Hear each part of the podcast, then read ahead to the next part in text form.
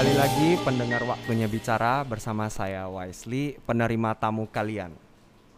Hari ini episode kesekian, kita kedatangan se- seorang tamu dari Jakarta.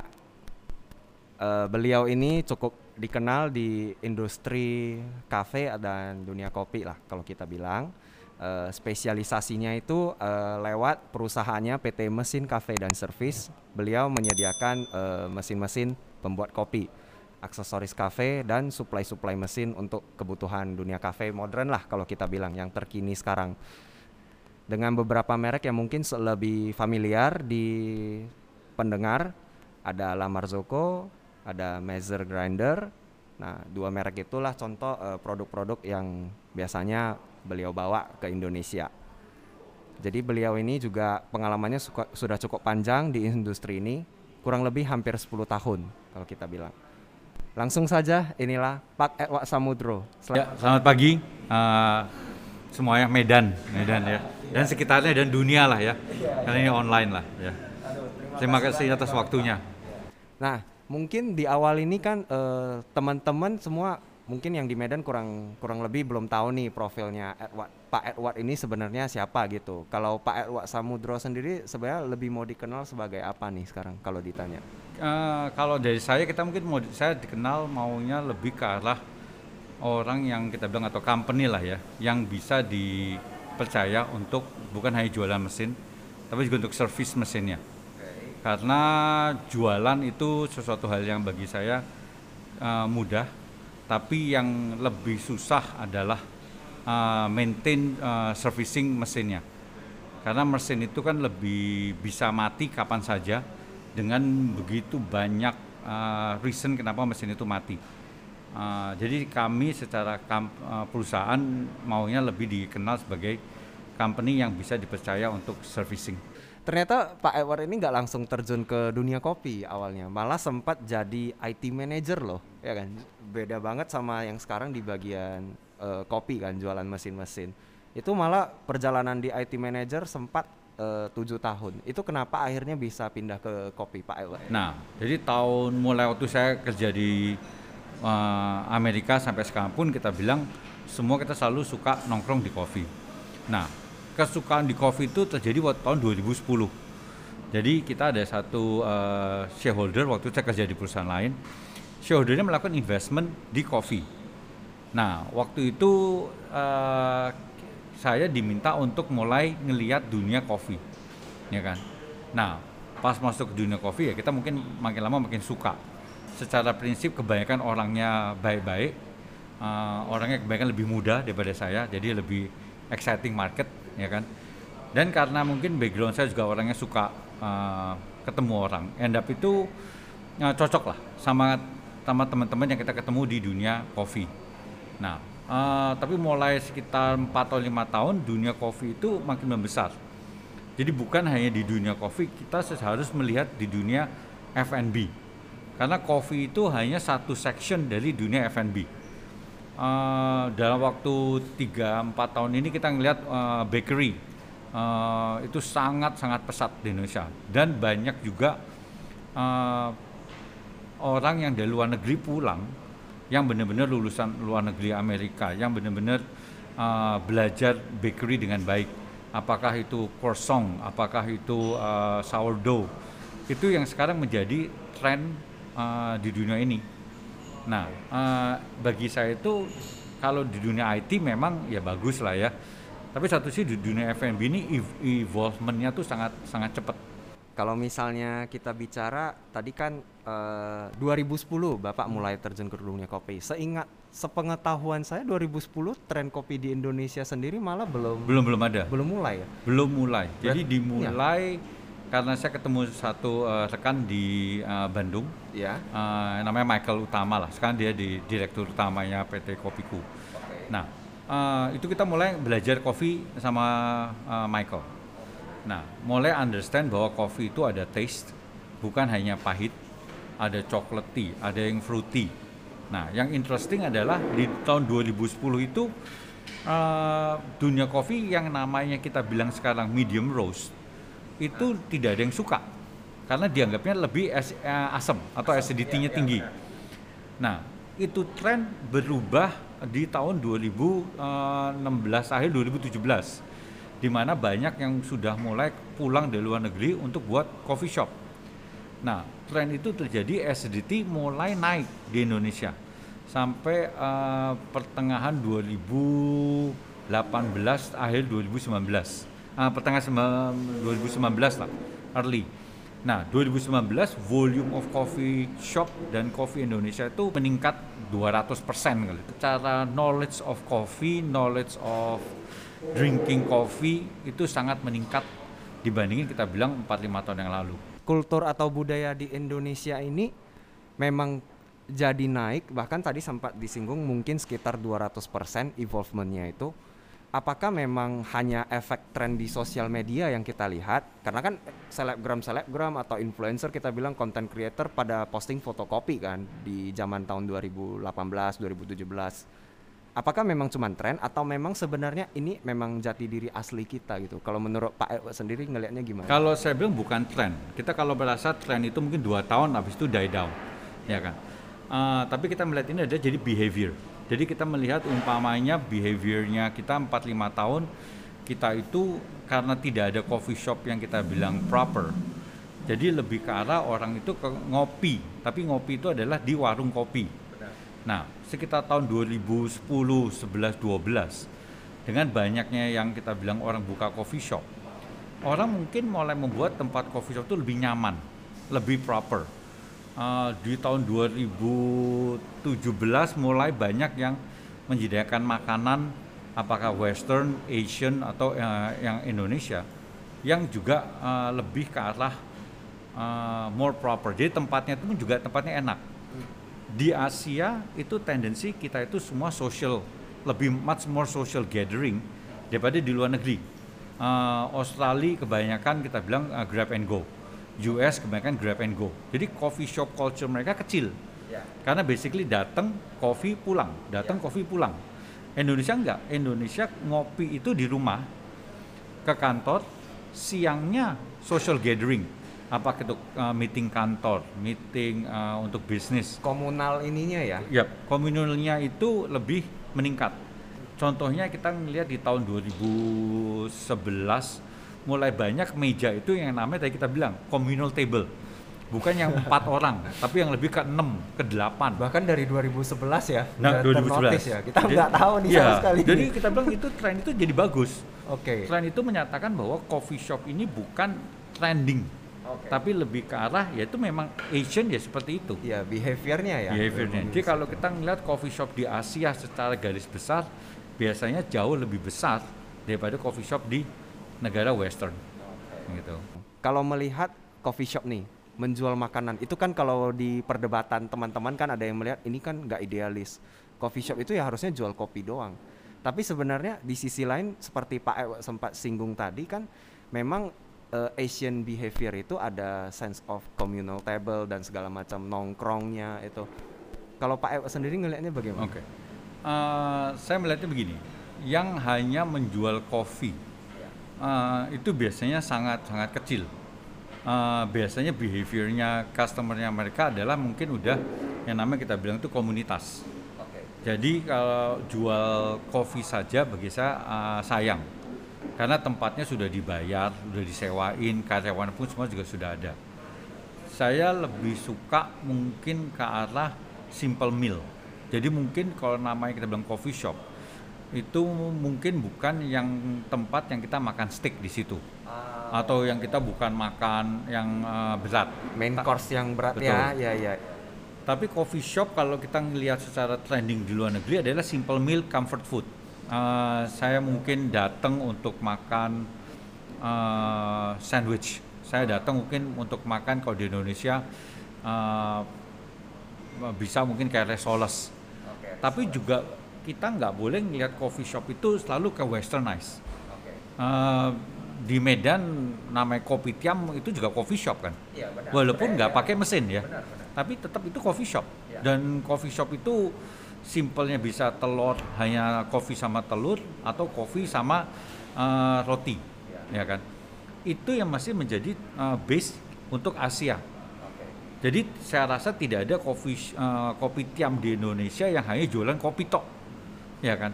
Tapi mereka pasti menyediakan secondary-nya, ya kan? Nah itu saya bilang Indonesia. Oke, nah nih mungkin pertanyaan sejuta umat deh ke Pak Edward.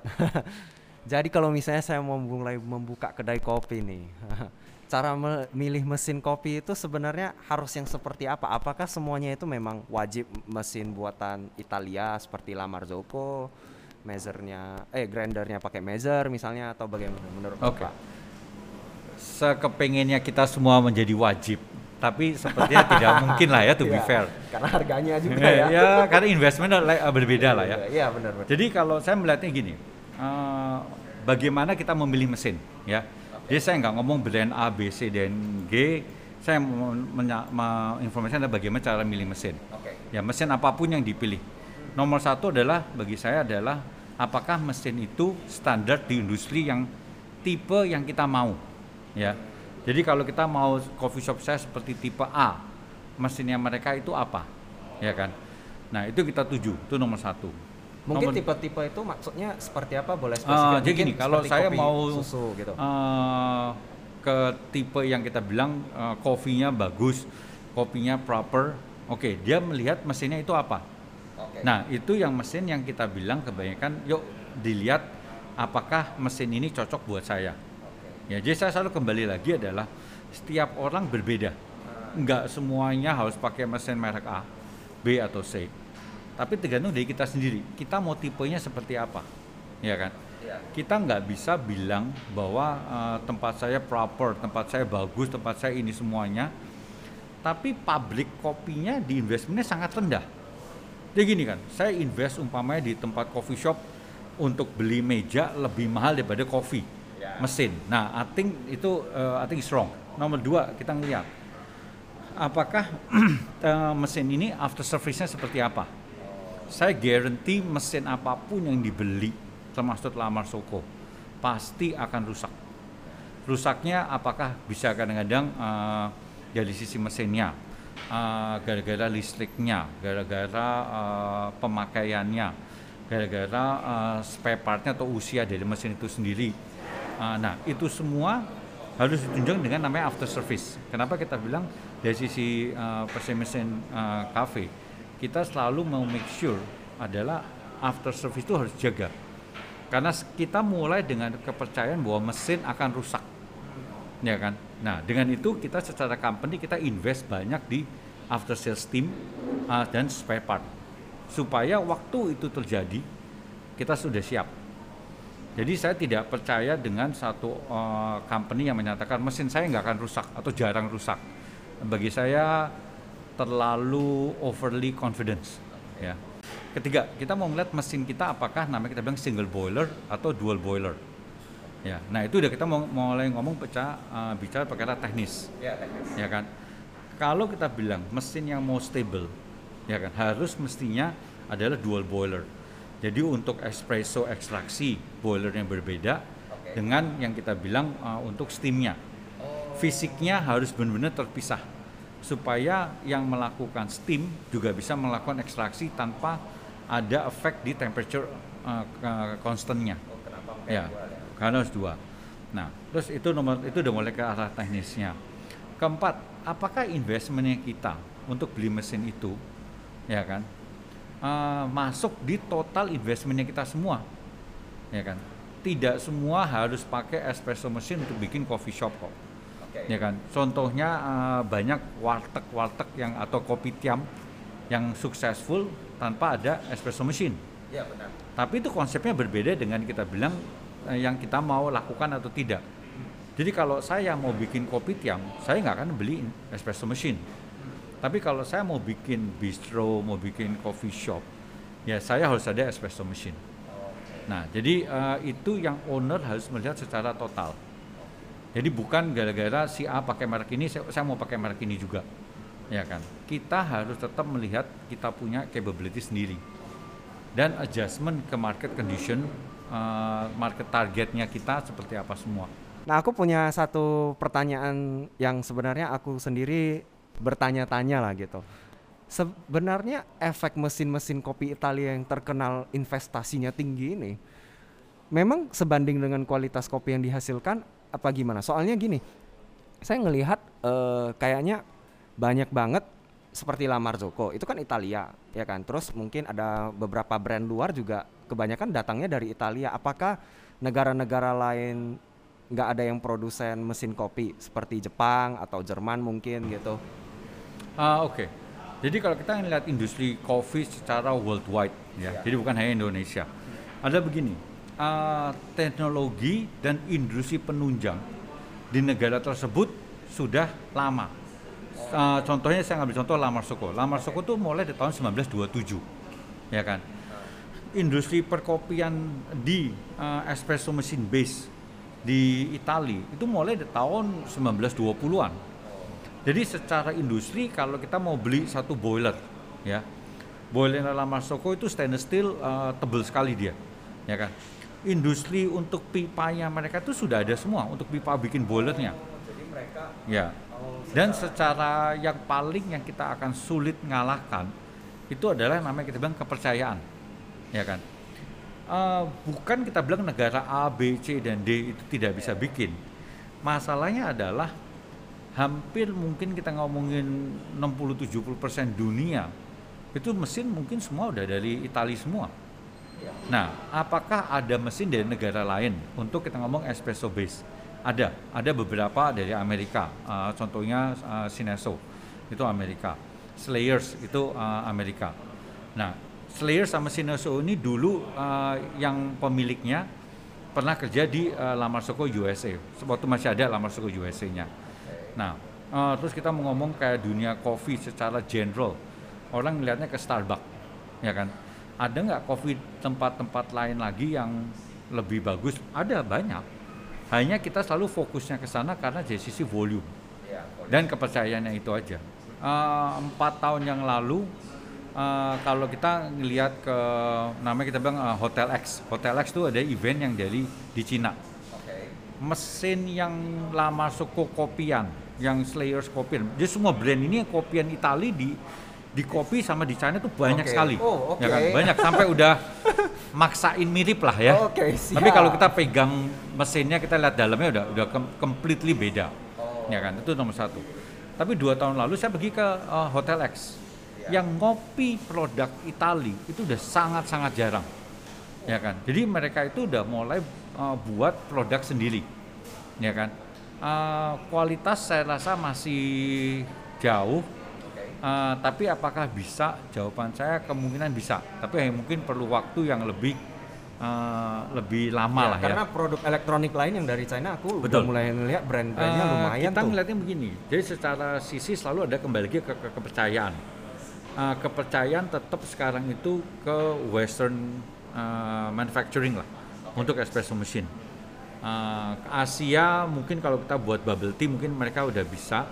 Tapi kalau eh, espresso machine bukan saya bilang tidak bisa tapi mungkin level of trustnya belum Oh, mendekati iya. sampai ke sana lah Beda dengan Italia yang udah dari 1920-an kulturnya udah dimulai lah Betul. gitu. Dan industrinya Ya kan? ternyata memang siap kan. Iya betul. Seperti yang stainless Jadi steel yang kita bilang stainless steelnya, Iya, iya. elektroniknya semua di itu kebanyakan semua adalah di uh, European lah, Europe ya. Nah, kita balik lagi tadi sempat eh, Pak Edward sendiri sempat singgung di poin kedua tentang mesin ini sebenarnya paling penting di after service-nya. Bahkan sampai di perusahaan yang Pak Edward sekarang pimpin ada namanya after sales team kan. Nah, aku pengen nanya nih karena menurut kabar-kabar dari angin dari Kota Medan ada salah satu klien Bapak nih yang memberikan testimoni jasa purna jual bapak itu luar biasa jempolan lah gitu kenapa? Karena mesinnya hari ini baru rusak di infonya kayak sore atau malam gitu. Besoknya tim teknisi bapak dari Jakarta udah dikirim ke Medan tuh. Nah itu kan kayak first flight lagi loh. Itu kan impresif banget kan maksudnya untuk customer. Posisi Pak Edward sekarang sih sebenarnya kalau misalnya oh ya dua tiga hari lagi tim after sales datang juga saya rasa untuk di Medan ya skalanya itu pemilik-pemilik kedai kopi juga oke lah nggak fine lah. Namanya juga musibah kita bilang gitu kan. Mau gimana juga kan? Uh, karena kita orang simple, Sa- PT Mesin Cafe ini kita nggak jualan kopi, nggak jualan ingredients. Yang kita jual sebenarnya bukan mesin, yang kita jual ada kepercayaan, ya. Jadi kita itu bukan perusahaan jualan mesin espresso. Uh, seperti semua orang di F&B, bukan jualan kopi, tapi yang kalian jual adalah service dan kepercayaan. Nah, itu juga selalu kita lakuin. Uh, kenapa kok nggak bisa tiga hari? Karena yang beli mesin nggak mungkin tutup toko selama tiga hari.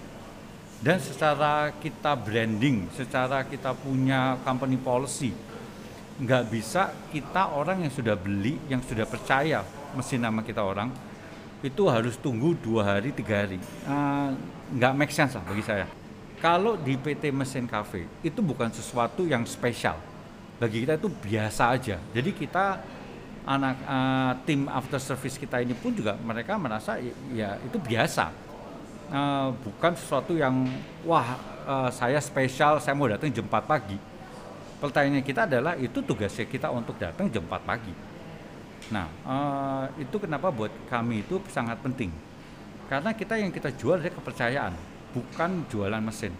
Ya. Pekerjaan yang biasa dan ya. tidak ada yang spesial Nggak gitu ya. Spesial. Dan kita punya uh, banyak uh, after sales team yang jadi mereka pun juga bisa gantian kan. Ya, jadi bukan satu orang kerja 24 ya, jam lah ya. Kan, ini kan bukan kerjaan freelance lagi, bukan, kan, ya. company, ya, company bukan. base lah teman-teman. Jadi dia memang uh, jadi uh, ada timnya ya. uh, yang memang gantian cara mereka manage-nya itu tapi memang konsep berpikirnya itu aku suka banget sih dari cara penjelasan Pak Edward. Memang nggak make sense kalau untuk dunia bisnis kalau kita pending sampai 3 sampai 4 hari lah. Tapi memang itulah yang menjadi nilai pembeda mungkin yang men membuat uh, klien-klien Bapak terkesan lah gitu dengan ya, terima kasih atas kepercayaan itulah ya. Oke okay, kita lanjut nih. Ada tentang tren minum kopi. Tadi kan kita uh, Pak Ewa sempat singgung memang uh, ya ini bukan tren sebenarnya bicara minum kopi ya kita bilang ya kan bukan tren. Tapi saya ngelihat ini ada yang menarik nih pergeseran cara minum kopi orang itu jadi berubah. Dulu sempat di 2016 2017 mungkin kalau saya tidak salah ya itu lagi tren misalnya piccolo, coffee latte gitu. Pokoknya yang Australian wave lah gitu. Dengan masuknya banyak coffee shop di Jakarta ya terutama ya, terus kemudian di Medan juga. Nah itu jadi sempat booming Lalu kemudian tiba-tiba 2-3 tahun terakhir dengan hadirnya kopi tuku dengan kopi gula eh, kopi susu gula aren itu ternyata cara orang minum kopi itu menikmati kopi jadi berbeda lagi. Nah, di sini kan terjadi pergeseran cara minum kopi. Efeknya kan ke mesin-mesin kopi espresso kita bilang boiler yang buatan Italia kan. Kalau Pak Erwa sendiri ngelihat pergeseran ini seperti apa? Berpengaruh nggak? Mulai dengan tadi yang uh, bilang ada namanya tuku, uh, kenang, uh, semuanya ini fore, yang uh, lokal Medan fore Nah, itu sebetulnya bagi saya itu adalah extension untuk yang ASEAN Asian Wave. Jadi kita bilang nggak ada itu sebetulnya kalau kita ngomong di Italia namanya ice cappuccino. Itu bagi mereka itu udah salahnya salah. Tapi di Asia itu itu menjadi satu tren kenapa? Kita panas negaranya. Ya. Jadi tren ice cappuccino uh, ada, uh, gula aren ada. Apakah salah? Saya rasa enggak. Ya, yang kita melihat adalah long termnya ini sebenarnya bagus buat coffee industry secara spesifik coffee industrinya. Bagusnya kenapa? Behavior orang minum kopi ya itu sudah terjadi sekarang bahwa saya harus ngopi apakah sehari sekali atau dua kali walaupun sekarang adalah banyak yang berdasarkan sugar base ya oh, manis ya, ya. ya tapi selama nanti waktu suatu hari waktu makin uh, usianya bertambah ya kan sugarnya pasti nanti akan turun semua Nah, nanti mungkin dari situ masuk ke cappuccino. Dari cappuccino mungkin akan masuk ke uh, black coffee atau long black. Yang kita bilang sugarnya semua akan ditinggalkan. Tapi apakah ice coffee akan menjadi uh, part of Indonesia growth? Uh, saya bilang definitely dan nggak akan hilang. Saya tidak melihat akan ada hilangnya uh, ice coffee di dunia F&B Indonesia. Jadi memang di Indonesia ini terjadi uh, mulainya itu kayaknya baru dari 2010 itu tadi ya sampai sekarang. Jadi memang ya kita keter, tertinggal juga ya kalau ya, boleh bukan tadi nggak bisa kerja udah mungkin sekarang Indonesia nomor satu oh, iya, iya. Uh, saya tahu beberapa brand uh, lokal Indonesia yang ya. udah akan buka di Singapura uh, akan buka di Malaysia dengan dalam dua tahun susu. ini ya uh, mestinya banyak yang mereka membuka tahun ini tapi gara-gara covid ini mungkin mereka akan delay ke tahun depan okay, tapi definitely mereka akan buka. Berarti ini kalau kita bicara secara worldwide lagi ya kembali lagi point of view-nya banyak brand-brand kopi Indo merek Indonesia juga ternyata sudah mulai masuk ke pasar luar negeri ya, seperti Singapura, Malaysia tadi ya. Uh, saya merasa definitely uh, saya tahu kayak kita ngomong uh, donat ya, uh, Jeko. Ya, Jeko sekarang udah ada di uh, di Dubai, ada di sampai di Hong Kong, Filipina itu mereka sudah ada. Jadi dari Asia brand yang keluar dari Indonesia pun juga banyak trennya, uh, ya kan. Dan definitely saya bilang uh, beberapa ice coffee company saya tahu mereka sudah siap untuk buka di luar Indonesia. Wah, ini keren banget sih sebenarnya kalau imagine kalau kita lagi jalan-jalan keluar misalnya ke Singapura, kita bukan cuma ke misalnya persen itu. Yeah. ya kan kopi arabica itu kan masih tren kan Betul. semua kan. Ternyata juga ada yang dari Indonesia karena kan Indonesia dikenal memang produsen kopi terbesar juga kan. Salah satu yang terbesar lah di dunia. Indonesia itu nomor tiga, dia nomor satu uh, Brasil, nomor dua Vietnam, nomor tiga Indonesia. Ya kan? Ya, jadi ini bakalan sangat menarik ya kalau kita lihat roda dunia kopi beberapa tahun mendatang. Oke deh, untuk penutup saya mau sedikit kita coba berandai-andai karena kan Pak Edward ini boleh dibilang saya nilai lebih kredibel lah kalau kita bicara prediksi tentang mesin kopi ini. Tadi kan kita udah sempat singgung dari awal mesin kopi ini kenapa banyak identiknya lebih dari Italia. Kita bicara Indonesia nih. kalau dari Indonesia sendiri kita punya potensi atau peluang kesempatan bisa bikin brand sendiri gitu enggak? Kalau kedai kopi kan ini udah nih tadi kita lihat. Nah, kalau mesinnya sendiri gimana? Sekelas Lamar Joko. Uh, sebetulnya ada beberapa brand yang saya tahu uh, mereka tuh sudah mulai buat di Indonesia. Okay. Ya kan. Yang kita melihat secara volume uh, masih belum besar. Dari sisi pricing juga uh, buatan Indonesia belum tentu murah. Ya kan? Atau belum tentu lebih murah lah ya uh, karena banyak uh, parts-partsnya mereka pun juga harus beli dari luar negeri. Oh, ya kan? Jadi not completely. Betul. Oh, okay. uh, karena electronic parts kita di Indonesia banyak yang nggak ada, ya kan? Besi kita ada, uh, welding kita definitely bisa ada. Uh, ada beberapa yang tembaga itu definitely kita bisa ada. Tapi karena volumenya, jadi secara cost itu mungkin kita masih kalah, ya kan? Jadi bukan perkara bisa atau tidaknya. Bisa tidaknya saya yakin pasti bisa lah Indonesia.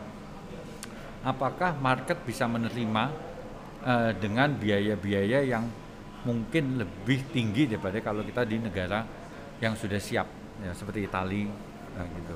Oke, ini jadi menarik ya. Jadi mungkin teman-teman juga bisa dapat perspektif lebih gambaran tentang peluang negara kita lah kalau kita bilang ya kan, kalau bicara andai-andainya. Oke, jadi masih bicara soal Indonesia untuk penutup aku pengen uh, kan saya tahu nih Pak Edward udah banyak keliling di Indonesia lah daerah-daerah. Nah, sebenarnya menurut Pak Edward sendiri daerah yang growingnya paling cepat itu di mana sih kalau kita okay. nanya? Uh, secara mungkin secara garis besar ya. nomor satu masih uh, untuk kami ya, uh, tetap Jakarta. Uh, nomor dua Bandung, tiga adalah ke arah uh, Bali. Uh, nomor empat saya merasa uh, Jawa Tengah okay. akan menjadi besar, mulai dari uh, Purwokerto, uh, Semarang, uh, ya, Solo, Jogja. Saya actually surprise di Medan.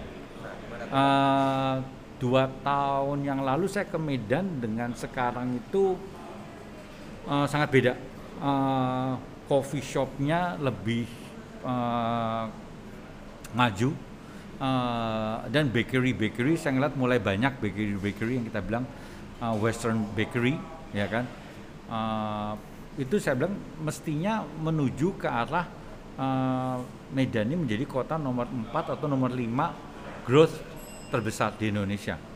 Uh, karena dari sisi marketnya masih bisa dari sisi lokasi dan rental masih relatively di bawah uh, Jawa jadi untuk sesuatu investment masih nggak perlu besar.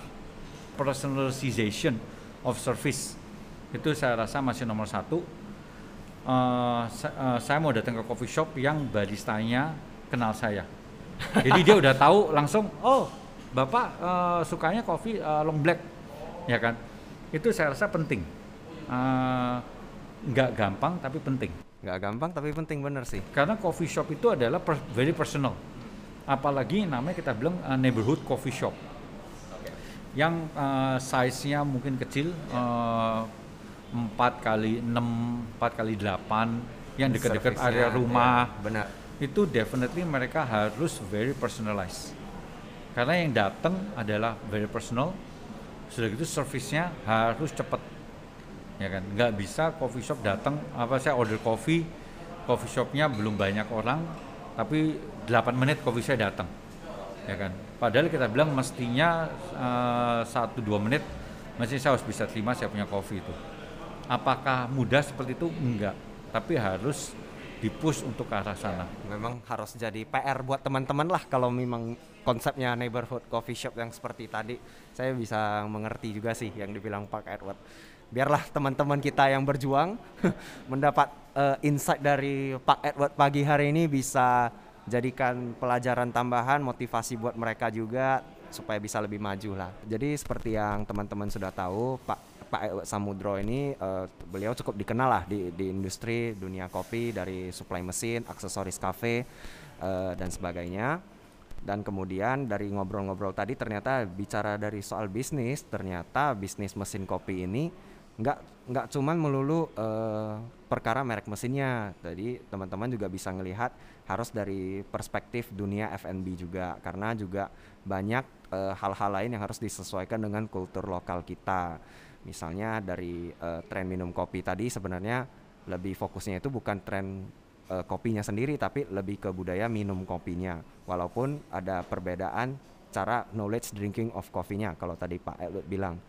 Lalu bagaimana kita lihat eh, bagaimana coffee coffee shop yang kalau kita bilang independen juga ya kan biasanya sangat bergantung pada komunitas.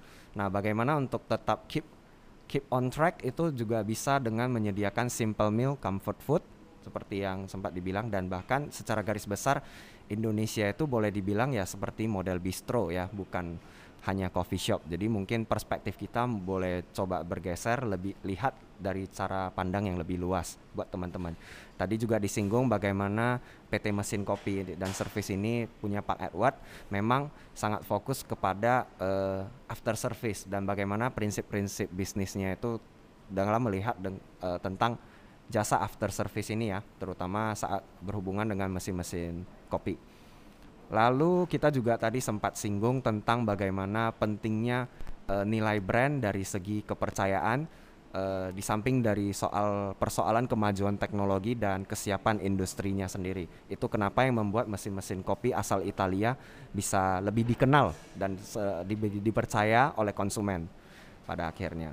Lalu memang harapannya kalau kita bicara andai-andai apakah Indonesia satu hari nanti bisa mempunyai mesin kopi sendiri?